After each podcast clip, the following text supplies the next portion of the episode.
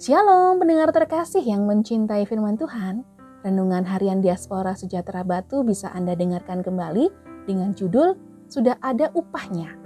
Bacaannya dari Wahyu pasal 2 ayat 26 sampai 29. Dan barang siapa menang dan melakukan pekerjaanku sampai kesudahannya, kepadanya akan kukaruniakan kuasa atas bangsa-bangsa, dan ia akan memerintah mereka dengan tongkat besi mereka akan diremukan seperti tembikar tukang priuk, sama seperti yang kuterima dari Bapakku, dan kepadanya akan kukaruniakan bintang timur. Siapa bertelinga, hendaklah ia mendengarkan apa yang dikatakan roh kepada jemaat-jemaat.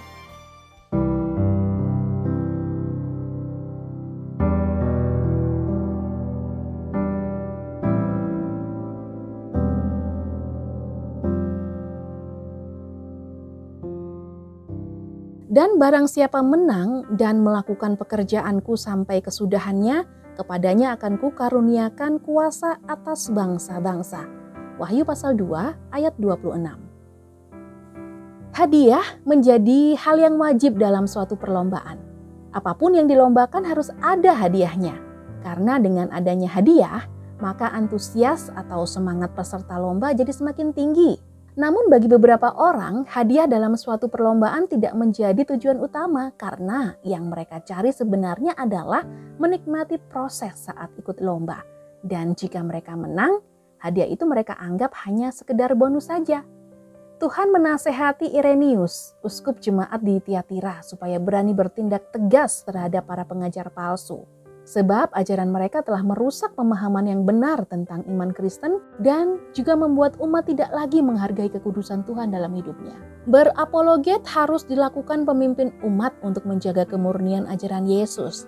Dan tindakan ini juga akan menyelamatkan jemaat dari pengaruh ajaran palsu. Dalam menasehati dan menegur hambanya, nampaknya Tuhan tidak semata-mata hanya memerintah, tetapi dia juga menyediakan upah kepada hamba yang melakukan perintahnya dengan setia dan yang mampu bertahan sampai akhir.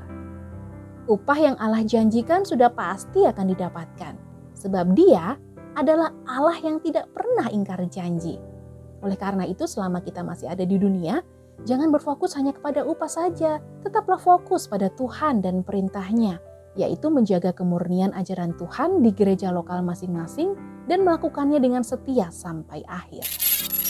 Katanya kepada orang itu, Baik sekali perbuatanmu itu, hai hamba yang baik, engkau telah setia dalam perkara kecil, karena itu terimalah kekuasaan atas sepuluh kota.